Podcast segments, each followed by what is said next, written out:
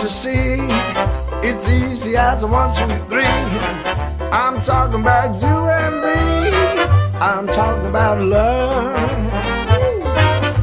I bet you find it's on everybody's mind. What makes us one of a kind? I'm talking about love. It doesn't matter where you travel, you are sure to see miracles unravel with L O V E. Listen here, the message is loud and clear. Can't help what I feel, my dear. I'm talking about love. Sonsuz Muhabbetlerin yeni bir bölümüne daha hoş geldiniz. Ee, sevgili Meltem Yalınay'ı konuk ediyoruz. Hazır yakalamışken ikinci bir bölüm daha çekeyim istedim. Geçen e, bölümde probiyotiklerden konuştuk. Fakat daha önce Meltem'le bir araya geldiğimizde bir konudan bahsetti. Ee, ve çok zıplayarak bahsetti. Kandida konusundan. Aslında sadece kandida konusu da değil. Benim konuşmak istediğim ne biliyor musun?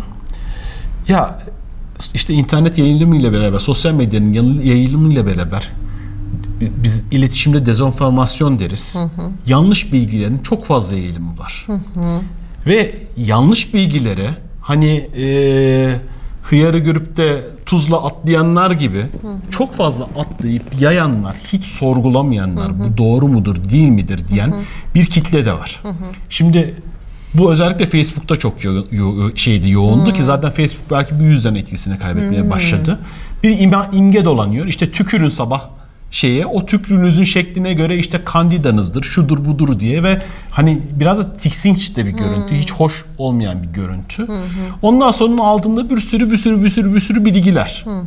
Keza yine yeme içme konusunda da bir sürü bir sürü bilgiler. Bunlar gerçek midir, değil midir? Hani haber kısımlarına hiç girmiyorum. İnanılmaz orası. Hmm. Ama senin alanın olduğu için hmm. ve geçen gün e, seni zıplattığını gördüğüm için Kandida üzerinden bir hareketle aslında bazı şeylerin, bazı bilgilerin hiç araştırılmadan paylaşılmaması gerektiğini dair bir e, paylaşımda bulunmak istiyorum. Ama önce hani bu gerçekten ne? Bu kandida ne? Yani sabah kalktığımda ben böyle tükürürsem oradan bir şeyler anlaşılıyor mu? Nedir, ne değildir? Evet. Hasan'cığım ağzına, yüreğine, her şeyine sağlık. Öncelikle böyle başlayayım. Çünkü bu bir deformasyon. Yani şu anda bilgi sisteminin doğru aktarılmaması veya biraz birkaç satırla herkesin her şeyi bildiğini düşünmeye başlayıp bunu bir de üstelik referans gibi ortaya koyması gibi ne yazık ki çok sıkıntılı bir süreç yaşıyoruz. Sebebinin şu olduğunu düşünüyorum.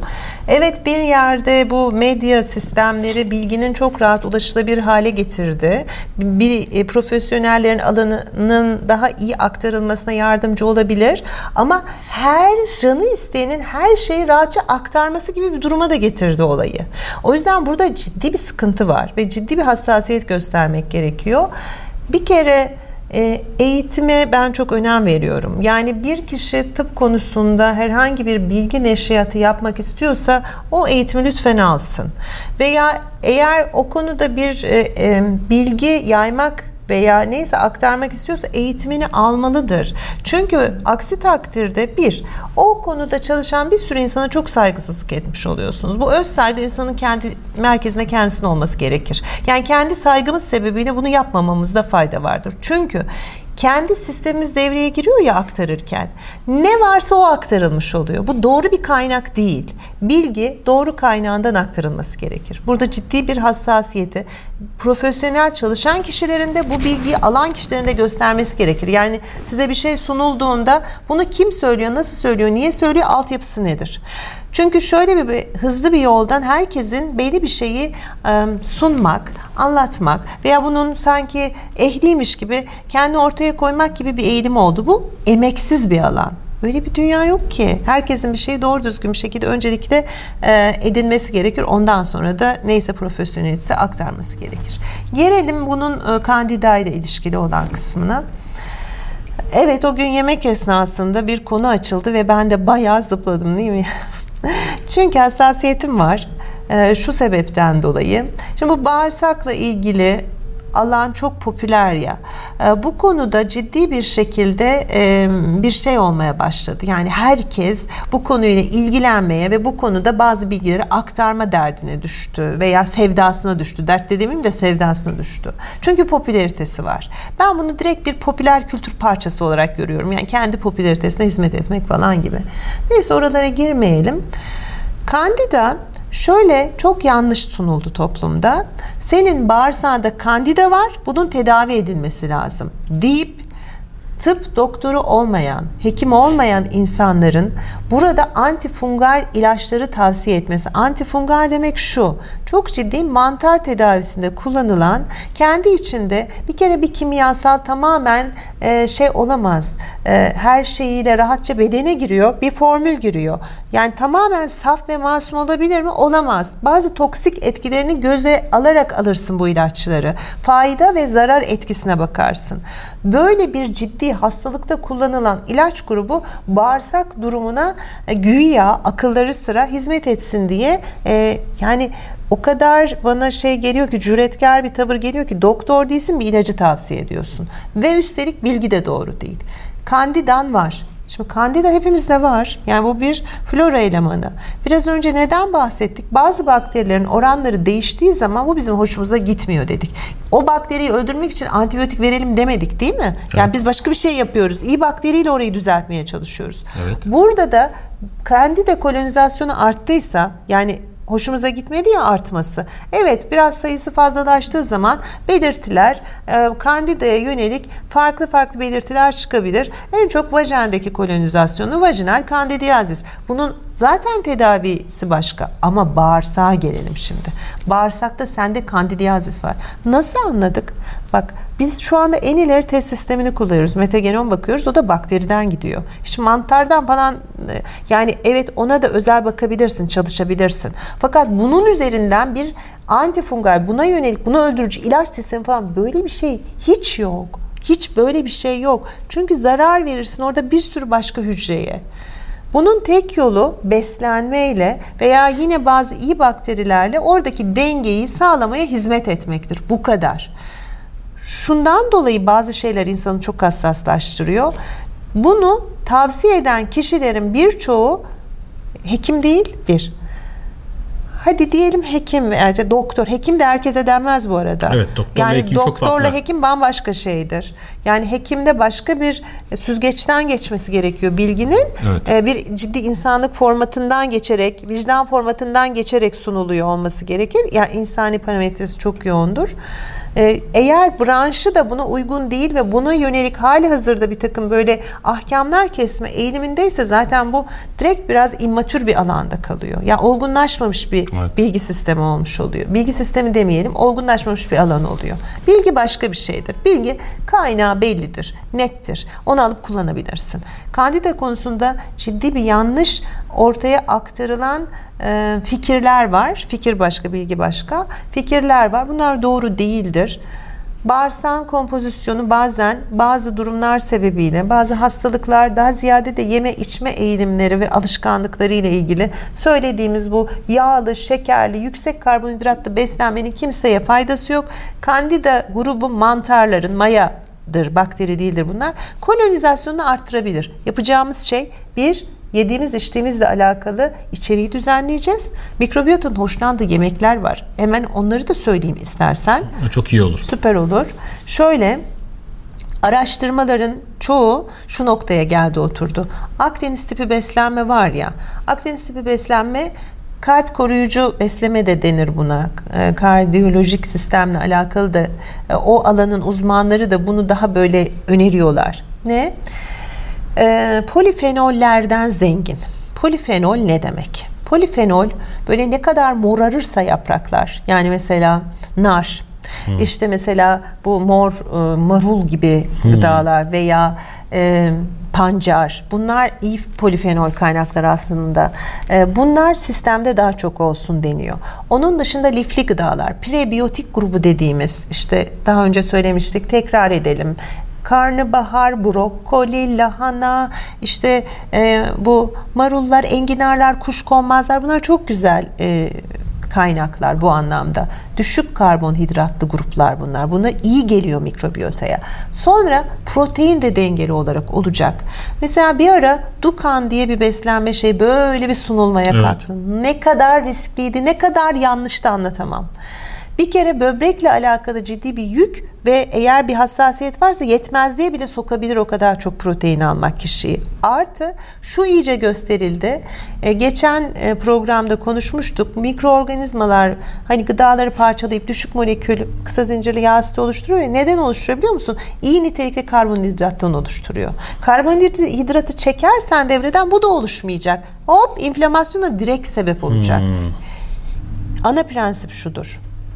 Her gıda grubu dengeli olarak sistemde kalmalıdır. Düşük karbonhidrat olmalıdır. Yüksek karbonhidrat değil. Ee, şekeri zaten attık biliyorsun. Protein ve nitelikli yağ olmalıdır. Akdeniz diyeti mesela zeytinyağını çok önerir. Soğuk sıkım zeytinyağı. Bu asiditesi ayarlanmış zeytinyağından bahsediyorum.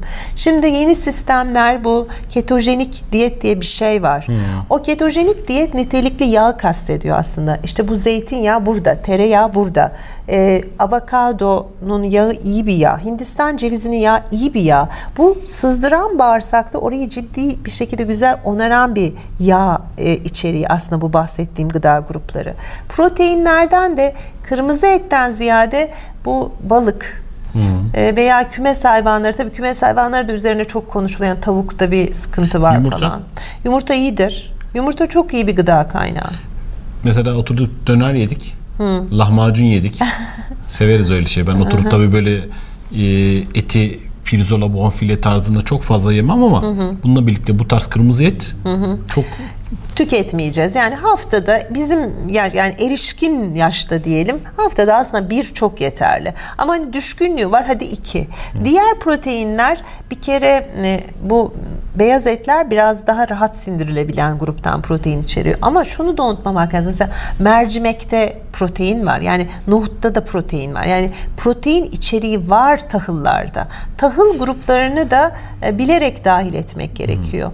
Beyaz undan artık tamamen uzaklaştı bütün herkes. Çünkü işlenme sürecinde besin değerini yitiriyor ve hani o tam tahılın içindeki B kompleksleri vesaireler, lifler falandan arınmış oluyor. O yüzden eğer bulabilirseniz tam tahıllı bir e, buğday ekmekten ziyade hani ürünleri diyelim tam tahılla alakalı ürünler kullanılabilir. Fakat bu ketojenik sistemde o, onu da koymuyorlar beslenme uzmanları içine. Yani hani düşük karbonhidrat, protein ve yağdan oluşuyor o ketojenik gruplar. O yüzden bunun aslında e, oldukça erişkinde sağlık koşulunu destekleyen bir beslenme şekli olduğu gösterilmiş. Artı mikrobiyotaya baktığında bunlar e, bizim mikroplarımız bunlardan çok hoşlanıyor. İyi olanların sayısı artıyor gerçekten de. Kötülerin sayısı azalmaya başlıyor. Yani bunu da yaptığın testlerde görebiliyorsun. Alıyorsun öyle bir beslenme programına kişiyi. Bakıyorsun gerçekten iyi olanların sayısı art- artmış. Yani işte onlar tabii özel isim taşıyan bazı bakteriler. Diğerlerinin sayısının azaldığını görüyoruz. O bozulma, oran bozulmasının düzeldiğini ve dengelenmenin olduğunu görüyoruz. Yani yiyip içtiklerimiz herhalde rahatça anlaşıldı. Ha, mesela kırmızı üzüm. Hani morardıkça diyorum ya. e, bunlar tavsiye edilen gruplar. Eyvallah.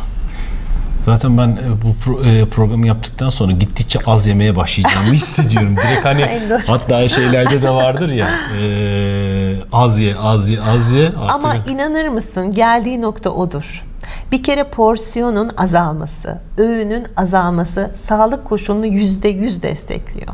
Bir erişkinin gerçekten aslında iki öğünlü beslenme oldukça bir erişkine yeterli. Yani beslenmesi ben yeterli. zaten bir yıllardır iki öğünle. öğünlü besleniyorum. Evet. Hatta bundan kaç sene önce 4-5 sene önce mi neydi? Ben maşallah tam tosundum. 110 kiloydum falan. Bu Karatay diyetine girdim işte kendim. Yani 3 ayda falan 88 kiloya düştüm. Çok hızlı bir şekilde şeyi attım. Ondan sonra artık bir sabah yiyorum, bir akşam yiyorum. Ha sonra zaman zaman çözüldüğü oldu. Olabilir. İlk başlarda çok yoğundu. Şimdi künefeye falan dayanamadığım oluyor. Baklavaya dayanamadığım oluyor ama böyle sabahtan akşama kadar şey olmuyor. Yani bir de her gün et yiyeyim. Vardır ya öyle şeyler. Bazı babalar vardı Türk kültüründe. İşte et olmazsa bu yemek yemez olay çıkartır. İşte bu tarz şeylerdi yani. Yani şöyle arada bir böyle canının çektiği diyelim Evet. hani olabilir. Onlar arada bir sistemde olabilir. O kadar değil. Sonuçta hani biz başka daha böyle steril bir beslenme düzeninden bahsediyoruz ama şimdiye kadar alışıla gelmiş bazı yiyecekler var ortalıkta dolanan. Şimdi alışkanlıkların davranış düzeyinde değişmesi zaman alan bir şey. Yani bunun kendimize mal edilmesi için önce karar vermemiz ve beslenme alışkanlığımızı değiştirmemiz gerekiyor. Ama değiştiği zaman şunu görüyorsun gerçekten daha enerjik ve bu konuyla ilgilenen insanlar mesela hani o yoga ile falan ilgilenen gruplarda da bu yemenin ne kadar azaltıldığını veya işte yani o enerji dengelenme alanı diyelim. Ee, buraya konsantre olmaya başladığında içsel ihtiyacın da bu tarafa doğru gidiyor. Fazla geliyor o yemekler zaten. Eyvallah. Bir de şöyle bir şey var. Mesela o şeker tüketildiği zaman insülin salgısı e, yükseldiği için tekrar şeker düşüyor. Bir kısır döngü olmaya başlıyor ya. Buradaki dengesizlik kendi içindeki kısır döngüyle devam ediyor. Ama sistemden çektiğin zaman şekeri zaten o insülin dengelenmesiyle o gıda grubunu tüketmek de istemiyorsun. Ben zaten mesela yıllardır şeker ve tuz kullanmıyorum ama tabii sadece şeylerde oluyor arada işte dediğim gibi tatlı yediğimde o tarzlarda oluyor. Şimdi ben bu- buradan başka bir şey aklıma geliyor. Gözümün önüne böyle bir şey geliyor. Ya mesela biz antibiyotik deli gibi kullanıyoruz aslında Evet, çok süper. mah- mahvediyoruz değil mi? Yani şu anda Kesinlikle. içime çok- Neler yapmamalıyız sohbeti olmaya başladı Evet yani birazcık. antibiyotik, Çok güzel. antibiyotik hatta o kadar kötüydü ki bu hadi son dönemlerde bilinçlendi hatırlıyorum ben bundan 20 sene önce falan. Hani böyle hafif boğazım ağrıyınca bir tane Ah. bir tane antibiyotik ata bir tane. Yani şey gibi parol alıyorsun yani Ah. şey gibi aspirin gibi bir tane antibiyotik atardım. E, haklısın. Bu yanlış kullanım. Şimdi halk arasındaki yanlış kullanım da başka bir boyutu ama bunu doktorların doğru yönetememesi de en önemli kısmı. Ne demek istiyorum? Şimdi bu antibiyotik, antimikrobiyal bu ilaç grubu o kadar yanlış kullanılıyor ki aslında. E, şöyle bir e, durum var. Bu ben derslerimde anlatıyorum antibiyotik üzerine çeşitli tıp fakültesi dersleri anlatıyorum ve orada şunu hep söylüyorum. Şimdi bakın mesela üst solunum yolu enfeksiyonlarında %80 virüs dediğimiz gruplar hakim Evet. tamam mı? Bakteriye verilir antimikrobiyal. Yani virüse verilmez. Virüs başka bir cins mikroorganizma. %80 e, virüs var ya yanlış antimikrobi antibiyotik kullanımı ne kadar? Ne kadardır sence? Bilmiyorum ki. Yüzde yüz. Hepsine neredeyse yazmışlar. Bu bir araştırma sonucu. Yanlış antibakteriyel yazmışlar. Şimdi virüsün üzerine bakteriyel enfeksiyonun gelişmesi zaman zaman olabilir. Bu başka bir şey. Tanımlama parametreleri klinik olarak başkadır. Ama viral enfeksiyon başkadır. Bir kere hekimin önce viral enfeksiyon mu, bakteriyel enfeksiyon mu ayırt etmesi gerekir. Hekime baktığında, doktora baktığında. Hastaya baktığında evet haklısın. Bir tane augmentin at, bir tane bilmem ne yap falan. Şimdi bu ne yapıyor bu ilaçlar onu da söyleyelim. Bu ilaçların şöyle bir lüksü yok. Gidip patojeni hedef bulsun, oradaki A bakterisini öldürsün. Öyle bir şey yapmıyor ki. Bütün ne var ne yok onları düzlemeye başlıyor. Bizim bir tezimiz, tez konumuzdu bu. Helicobacter pylori midede ülser yapan bakteri biliyorsun. Tedavisinde bir takım çoklu ilaç grupları ama bu bir tedavi stratejisi yani yöntem böyle. Bunu alan hastaların mikrobiyotasına baktık. Dümdüz olmuştu bütün türler.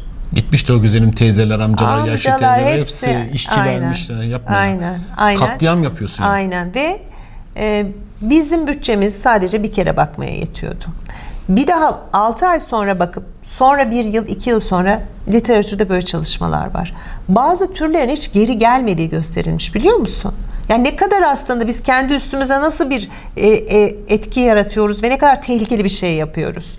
Şimdi bakteriyel hastalık Evet antibiyotikle tedavi edilir. Hani mesaj yanlış gitmesin. Ama sen ona buna şuna alacak bir lüksün yok. Yok yani. Çünkü öldürüyorsun oradaki. Sen direkt o bakteri oranları bozulunca ne olacak? Al sana disbiyozis. Al sana başlasın metabolik sendrom. Sonra al sana alerjiler. Ne kadar çok arttı alerjiler değil mi? Yani gıda intoleransları da arttı. Alerjiler de arttı. Mesela şunlar. Eğer anne hamileliğinde antibiyotik kullanırsa bir, bunu aklımızda tutalım. Veya bebek yeni doğduğunda antibiyotik kullanmak durumunda kalırsa bunlarda ileri yaşta alerji, astım gelişmesi yüzde otuz artıyor, artıyor. Artı obezite gelişme riski artıyor. Oh baby. Çünkü neden? Bozuyor sistemi. Yani zaten bak insanlara eğer olabilir hani doğdu pnömoni yani zatürre geçirdi bir şey oldu ve ilaç verilmek zorunda kaldı. Evet. İleri yaşlarda e, o kişilerin alerjilere, obeziteye falan yatkınlığının daha fazla olduğunu görüyorsun. Veya sezeryan doğumlarında da böyle Hasan. Sezeryanda da mesela enteresan. Hani e, ileri yaşta alerjiler, e, kilo kontrolsüzlüğündeki işte zorlanmaların daha çok olduğunu görüyorsun. Ve sezeryan doğumunda ne kadar arttı? Şimdi hoş tekrar bir kısıtlamalar geliyor. Yani eğer endikasyon varsa, eğer gerçek sebep varsa o yolla. Yoksa vajinal doğum diye normal bir doğum şekli var. O zaman bütün o laktik asit bakterilerini alarak doğuyor bebek. Ve o daha sağlıklı bir kolonizasyon oluyor. Anladım. O yüzden bunlar çok hassas Şu anda konular. zaten e, dediğin gibi bir normal doğuma yönlendiriyorlar. Bir de artık Evet. antibiyotiği yazmıyor doktorlar. Evet, evet. Yani Çünkü korkutmuşlar yani. Bir yandan Yani- hesabını soruyorlar yani artık. Evet ve hiçbirimizin aslında bakarsan bak şöyle bir şey sistem bir bozuldu mu onu bir tıkı tıkı tıkı tıkı bozukluk olarak diyor veya biz sağlamsa da sağlam olarak. Eğer senin bedenin zaten sağlam ve sağlıklıysa zor hasta oluyorsun. Oldu ama hastalandım bir şekilde immün süpresyon yani stres bile düşürüyor değil mi? Bakteri kolonizasyonu oldu ve oldun yani almak zorunda kaldın antibiyotiği. Artık bu bir dünyada prensip ve yaklaşım. Pediatristler ve enfeksiyon hastalıkları bunu çok benimsedi ve hepimizin benimsemesi gerekiyor. Probiyotikle beraber veriliyor antibiyotik. En azından bir restorasyon da olsun yanında. Hmm. Evet, evet, E, evet. Özellikle çocuklarda buna çok dikkat etmek gerekir. Yani çocuklarda şimdi bir kere e, şuradan başlayacak olursak hamile kadınların bağırsak sağlığının doğru ve düzgün olması gerekiyor anne adayının. Bir. Hamile bir kere yine o sağlığa dikkat etmek gerekiyor. Çünkü bebeğe bir kor geçiriyorsun. Sonra bebeğin de aslında o sağlıklı bağırsağının desteklenmesiyle ilgili yöntemleri bilmek gerekiyor. Anne sütüyle beslenmesi birinci koşul yani anne sütü beslendi. Ondan sonra da nelerle beslenecek veya bebek veya çocuk grubundaki desteklenecek probiyotikler nelerdir? Bunlar sağlıklı bağırsağın temellerini oluşturuyor. Şunu unutmamak lazım. Sağlıklı bağırsak sağlıklı yaşam demek aslında.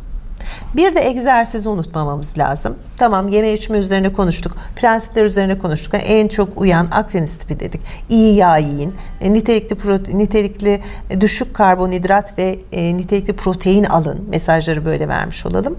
Ama yani prebiyotik ve probiyotik alın ama egzersiz de yapması gerekiyor. Yine insanların şu göstermiş çalışmalarda şu gösterilmiş.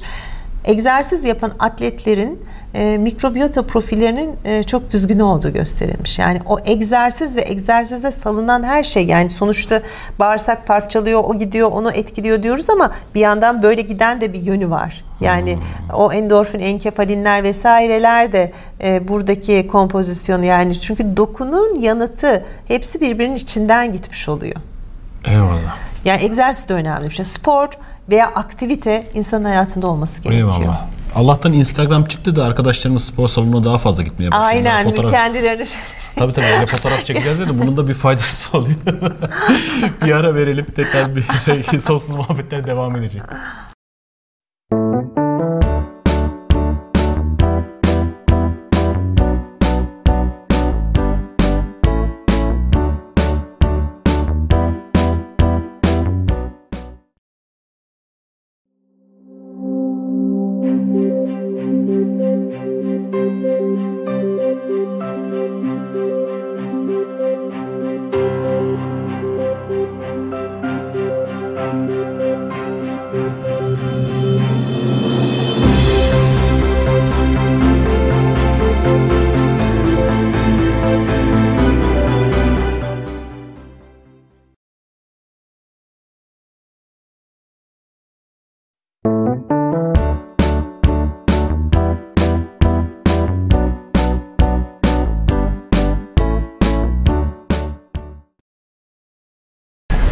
Sonsuz muhabbetler devam ediyor.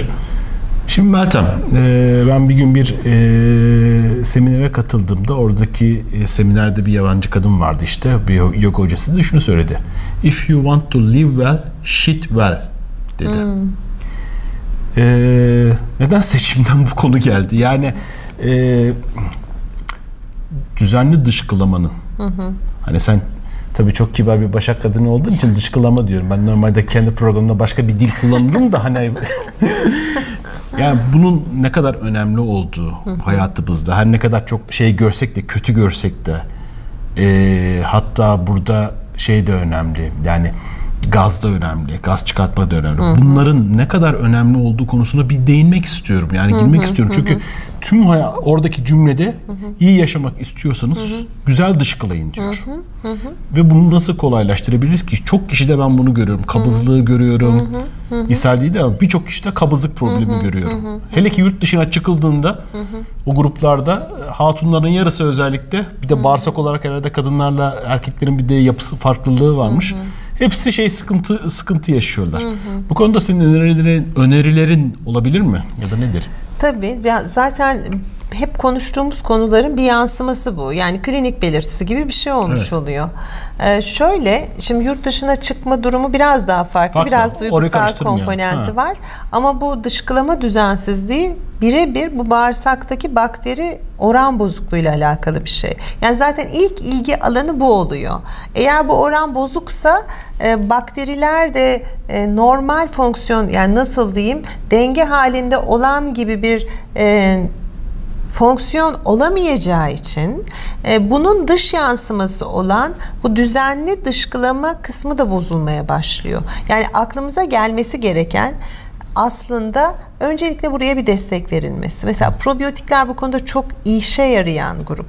Yani eğer iyi bakteriyle çünkü e, şöyle bir noktaya gelmemiş olabilir kişi. Henüz metabolik sendrom başlamamıştır veya bir obezite sorunu falan yoktur ama oradaki dengesizlik bağırsağın normal peristaltizmi yani hareketlerini tam olarak e, rahatça desteklemiyordur E, veya su alımı da bu anlamda önemli bir komponent aslında su içilmesi ama sonuçta hepsi aynı kapıya geliyor yani oradaki kompozisyon yeterince sağlıklı olmuyor. Sağlıklı olmadığı zaman birinci belirtilerden bir tanesi o. Gaz, şişkinlik, dışkılama bozukluğu. Ve dışkılama daha ziyade kabızlık yönünde oluyor. Evet. Düzensiz bir tuvalet alışkan veya işte tuvalete gitmede de bir düzensizlik gibi bir şey oluyor. Düzenli dışkılama dediğinin bir ölçüsü var mıdır? Herkese değişim yani. Günde bir posta ya da iki posta gibi şey olur mu? Yani şöyle e, aslında normal bir metabolizma günde bir kere dışkılamayı gerektirir. Ama kiminin birden fazla dışkılaması var ama kimine bakıyorsun ya birkaç günde bir zor zar bir tuvalet alışkanlığı var. Normal bir metabolizmanın normalde sindirim süreci işte mide alıyorsun mideden geçiyor bağırsaklarda tamamlanıyor 5-6 saatte tamamlanıyor değil mi? Evet. Yani bunun normalde atılmasını beklersin. E tutuluyorsa burada bir yetersiz bir durum vardır. En önemli yetersizlik de bu iyi ve sevmediğimiz arasındaki oran bozukluğundan oluyor. Yani bu e, kompozisyon çok ciddi bir şekilde dışkılamada önemli rolü olan bir kısmı işin. Ama onun dışında hani mesela e, bağırsaktaki bazı fonksiyon bozuklukları. Ama yine tekrar yumurta mı tavuktan, tavuk mu yumurtadana geliyoruz. Eğer buradaki kompozisyon düzgünse fonksiyonu yine olumlu etkilemiş oluyor. Yani gelip dolaşıp hep aynı şey mikrobiyotaya bağlanıyormuş gibi gözükmekle birlikte bağlıyoruz çünkü en başta ne söylemiştik? Bunlar bizden 10 misli daha fazla. Zaten onların dünyasını yaşıyoruz. Burası iyi ve olumlu destekliyse, dengeliyse genelde dışkılama alışkanlığının da düzgün olduğunu görüyoruz. Mesela probiyotik desteklerinde bunun %100 normali yani neredeyse %98'inde iyi yanıt alıyoruz. Normale döndüğünü görüyoruz. Yani o yüzden iş biraz o bakterilerin kompozisyonuyla ve oranlarıyla çok ilgili olmuş oluyor. Peki e, hani bu iyi bakteriler diyelim bir de kötü bakteriler diyelim. Kötü bakterilerin hiç mi fonksiyonu yok? Yok var. Yani şöyle şimdi bu bakterilerin hepsinin kişinin sindirim sürecinde e, vitamin sentezlerinde vesaire bazı etkileri oluyor tabii ki. Ama e, dengesinin ve oranlarının e, bizim istediğimiz türde olması gerekiyor.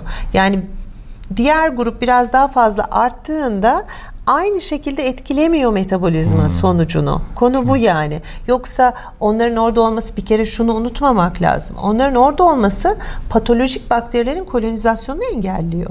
Şimdi onlar örtü gibi kapatıyor. Yani futbol sahasını kaplıyor zaten. Bağırsak bakterilerini e, koyduğunda 2 kiloya yakın falan geliyor ve bir futbol sahasını kapatabiliyorlar. O yüzden çoklar ve böyle olmaları da bizim çok işimize geliyor. Çünkü oraya gidip rastgele başka bir patojen bakterinin yerleşmesini engelliyorlar aslında. Yani o kadar da e, o kadar da zararlı gibi düşünmemek gerekir ama yani işe yarayanlar biraz daha farklı bir grup. Yani daha doğrusu sayı olarak onların çok olması gerekiyor. O oranların biraz daha işe yarayanlar yönünde olması gerekiyor.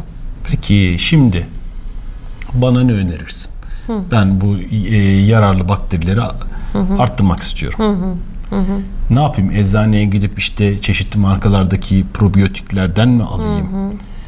Yoğurt mu yiyeyim? Onu mu yapayım? Şu anda ne yapabilirim? Şimdi mesela böyle bir soruyla biri karşıma geldi.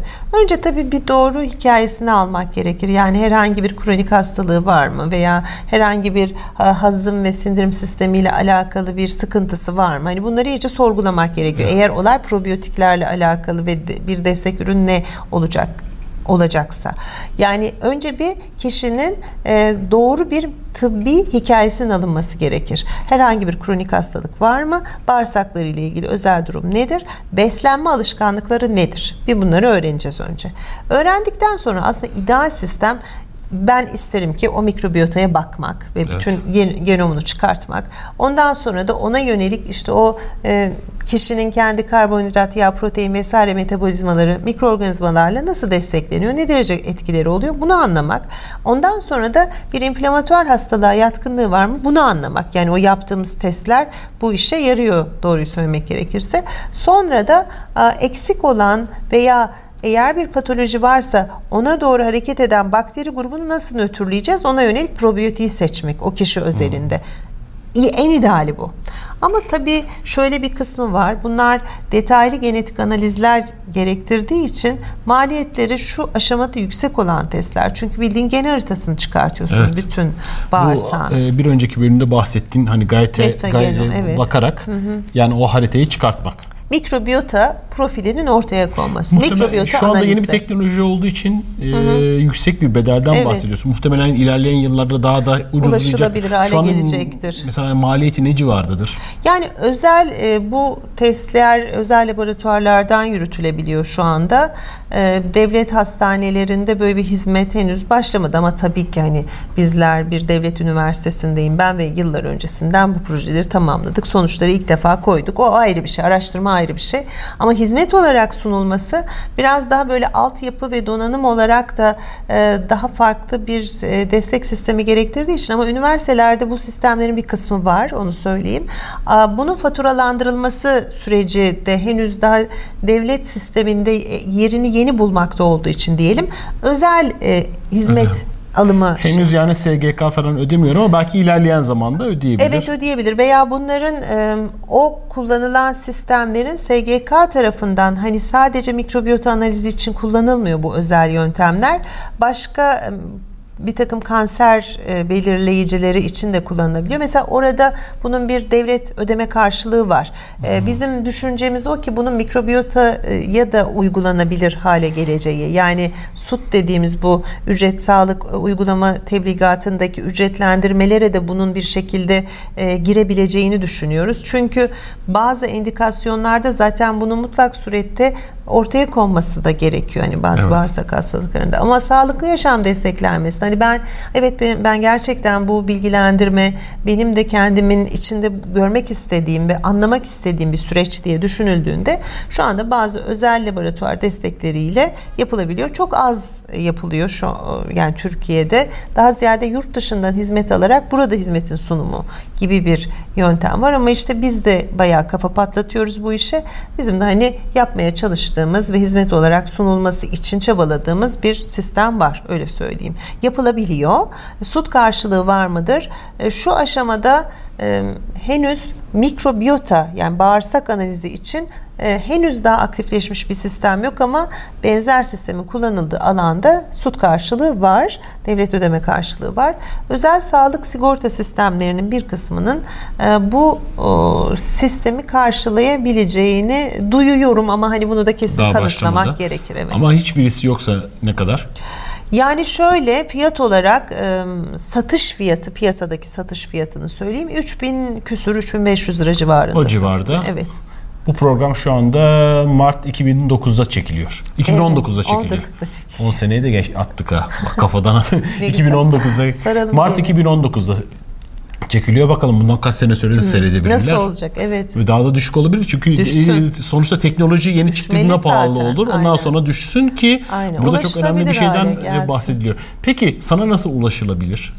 Ee, Yani şöyle ben sonuçta öğretim üyesi olarak çalışıyorum Gazi Fakültesi'nde ama hani e, daha böyle bilginin ulaşılabilirliği anlamında bir web sitesi e, de tasarlandı. Oradan da iletişim bilgilerime zaten her e, koşulda rahatça ulaşılabilir. Anladım. Meltem Yani bir takım işte sosyal medyanın Web siten hangisi? Meltemyalinay.com. yalinay.com. meltemyalinay.com. .com. Evet. Hı, Oradan ulaşabilir. Çok teşekkür ediyorum Meltem. Ben çok teşekkür yani bilmiyorum ederim tabii daha muhtemelen bu konuda çok sorular vardır ediyordur ama ben şu anda gayet birçok e, sorumun yanıtını almış durumdayım. Çok teşekkür ederim. Bir kere doğru mesaj verme fırsatı sağladığın için çok teşekkür ederim. Çünkü bence konunun en hassas kısmı yanlış bilgilendirme ve bir Evet. bilgi kirliliğinin ortalıkta dönüyor olması. Bu konunun ilgi çekmesi sebebiyle herkesin bu konunun uzmanıymış gibi yorum yapmaya çalışması. Bunlardan biraz e, böyle dikkatli olup imtina etmekte fayda var. Çünkü bu sefer bir kere tıbbın bir ana kuralı vardır. Önce zarar verme. Lütfen kimse önce zarar vermesin kimseye. Ondan sonrası e, bunlar profesyonel çalışma alanlarıdır. Probiyotikler tamamen profesyonel danışmanlık gerektiren bir alandır. Her ne kadar şu an reçete dışı ürün olarak satılmakta olsa da lütfen bu konuda da e, herkesin bilinçlenmesi üzerine hareket etmesini rica edeceğim. E, canlı bakterinin daha uzman kontrolünde konu indikasyonu doğrultusunda verilmesi gerekir. E, bu programlar bu anlamda çok kıymetli olduğunu düşünüyorum. Bilgi kirliliği öncelikle ana mesaj bu olmalı. Doğru bilginin aktarılması Bir de gerekir. içimden şu geldi. Kimse kimsenin vebaline girmesin. Yani siz bazen belki nefsinizi e, tatmin etmek için çok iyi biliyormuş gibi paylaşıyor olabilirsiniz bu bilgileri. O da evet. çok rastlanıyor. Çeşitli Evet. forumlardan bilgileri alıp böyle Evet. ben her şeyi biliyorum gibi çıkan çok e, sözde uzmanlar oluyor. Ama çok büyük vebal altına giriyorlar. Evet. Farkında değiller. Evet. Evet. Eğer gerçekten bu vebalin bedelini ödeyebilecek kadar yetkin olduğunuzu hissediyorsanız yapın bunu. Ama yoksa e, sadece e, kötülüğe hizmet ediyorsunuz. Evet. Yani ciddi bir Ona emek bir ona bir istiyor o yüzden her şey. Evet. hani e, bir kendinizi değerlendirin ama gerçekten de yetkinseniz de tamam. Yet- bazen de o oluyor. Yetkin olanlar da olan- geride kalıyor ama Doğru. katkıda bulunabileceğinizi Evet. gerçekten hissediyorsanız Evet. paylaşın. Ama Evet. yoksa oradan aldığınız bilgiyi buraya hemen satıp da insanları e, insanların gerçekten vebaline girmeyin. Yani biraz özel çalışma alanları bunlar. Evet, biraz. Yani Değil, o bayağı. yüzden bayağı bayağı, Bayağı- bayağı, bayağı özel, özel çalışma alanları. Ee, o yüzden emek istiyor her şey Hasan'cığım. Eyvallah. Emeğe de saygımız sonsuzdur. Eyvallah. Ellerine kollarına sağlık. Ben de çok teşekkür ederim. Bu özel programda, bu özel muhabbette, özel program derken benim uzun yani bir yaşadığım süreçten sonra başladığım Evet ya, ya. e, programda birlikte olduğumuz için bu kadar da güzel enerjin olduğu için Yüreğine sağlık. Eyvallah. O karşılıklı olan bir şey. E, sonsuz muhabbetler devam edecek. Can't you see? It's easy as a one, two, three. I'm talking about you and me. I'm talking about love. I bet you find it's on everybody's mind. What makes us one of a kind? I'm talking about love. It doesn't matter where you travel, you are sure to see. Miracles unravel with L O V E. Listen here, the message is loud and clear. Can't help what I feel, my dear. I'm talking about love.